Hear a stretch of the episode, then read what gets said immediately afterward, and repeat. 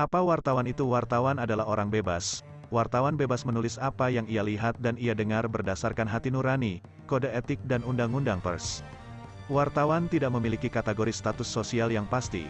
Pagi ia biasa ngobrol dengan pedagang kecil di pasar kadang dengan sopir angkot, siang ia bisa makan bersama para pejabat, sore ia bisa berbincang-bincang dengan pemuka agama, malam dia juga bisa berada di kafe, diskotik dan bar.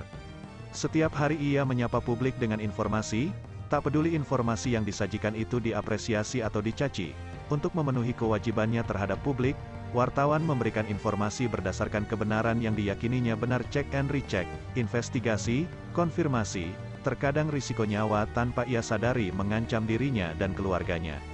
Sungguh yang amat agung, di mana seorang wartawan berperan besar dalam seluruh aspek kehidupan sejarah mencatat kemerdekaan Indonesia dikumandangkan ke seantero dunia melalui media oleh seorang wartawan.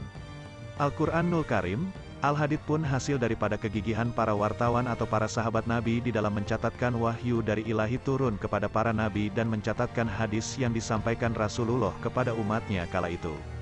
Begitu penting peran wartawan, sendi-sendi kehidupan berbangsa dan bernegara, namun mengapa wartawan dibungkam dengan pasal 310, 311 Undang-Undang IT dan upaya paksa mempidanakan wartawan dengan cara-cara yang sangat bertentangan dengan Undang-Undang Pers dan bahkan HAM.